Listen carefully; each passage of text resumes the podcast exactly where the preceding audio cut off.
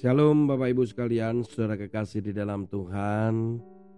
Kita masuk di dalam pemberitaan firman Tuhan, pembacaan dan perenungan yang terambil di dalam kitab Amsal pasal yang ke-15 ayat yang ke-33. Ini adalah ayat terakhir pada pasal yang ke-15.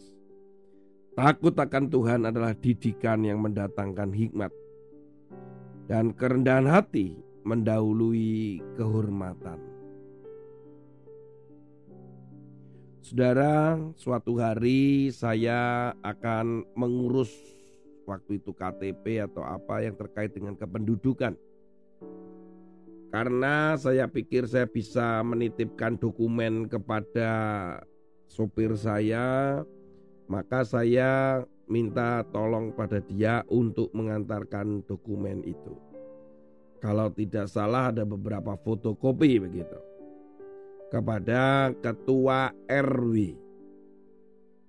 Saat itu ternyata sopir saya ditolak.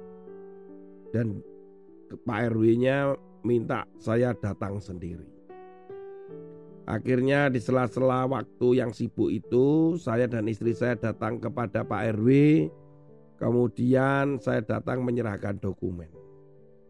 Sambil sedikit marah dan jengkel, Pak RW kemudian sedikit dengan nada keras atau lantang begitu, yang ngomong, kamu tahu siapa saya?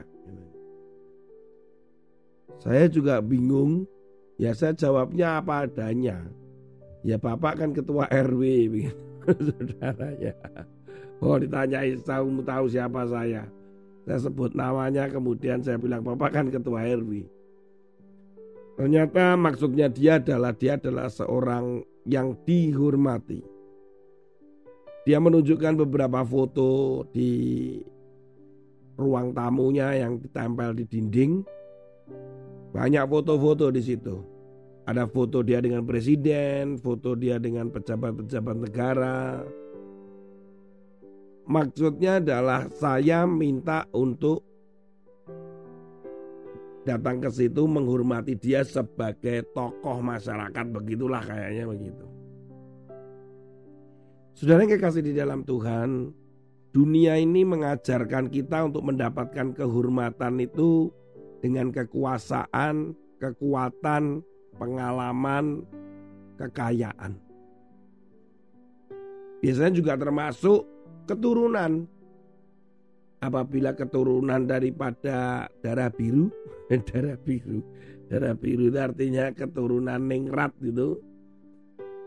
Dari keluarga yang dihormati atau dari kesultanan bagaimana demikian. Kehormatan didapatkan dengan cara itu dan diajarkan demikian. Makanya tidak heran berlomba-lombalah orang untuk mendapatkan kehormatan. Enak sekali loh saudara mendapatkan kehormatan itu, mendapat privilege. Mendapatkan keistimewaan. Mungkin dari fasilitas-fasilitas, kemudian bagaimana orang itu enggan, segan ketika bersama-sama dengan mereka begitu di antara teman-teman lingkungan sekitar. Tetapi ternyata firman Tuhan katakan hari ini benar-benar berbeda. Bahwa kerendahan hati itu akan mendahului kehormatan. Bukan dicari loh. Di sini tidak dikatakan cari mencari kehormatan begitu enggak loh. Tapi mendahului. Kerendahan hati itu mendahului kehormatan. Dengan sendirinya kehormatan itu akan datang ketika kita memulainya dan fokus pada kerendahan hati. Lihat ya saudara ya, banyak hal di dalam firman Tuhan itu semuanya berbalik atau terbalik lah gitulah dengan prinsip-prinsip yang ada di dunia. Di dunia mengajarkan kita untuk mendapatkan kehormatan itu perlu dengan nada keras, kekayaan kita ditunjukkan, kekuatan kita ditunjukkan, menunjukkan di hadapan mereka bagaimana kita menghukum, mendidik dengan kejam begitu, maka di situ biasanya akan mendapatkan kehormatan. Tapi ternyata firman Tuhan ini beda. Kalau saudara ingin mendapatkan kehormatan atau dihormati orang lain, kita harus memulainya dengan kerendahan hati. Kerendahan hati itu dapat ditunjukkan dalam beberapa hal. Tidak ingin terus dipuji karena kemampuannya, itu yang pertama.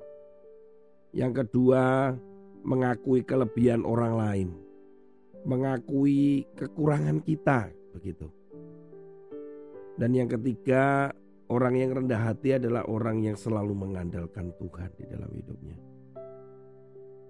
Dan yang keempat adalah tidak menghina orang lain karena kekurangan atau ketidakmampuan mereka. Ini keempat hal yang bisa ditunjukkan atau ketika kita mau belajar untuk rendah hati. Saudara, mari kita sama-sama merendahkan hati kita. Jangan bangga dengan apa yang kita punya, kita miliki. Yang mungkin kita berharap dihormati di keluarga kita, lingkungan sekitar, di tempat usaha, di kantor, di gereja, bahkan saat pelayanan.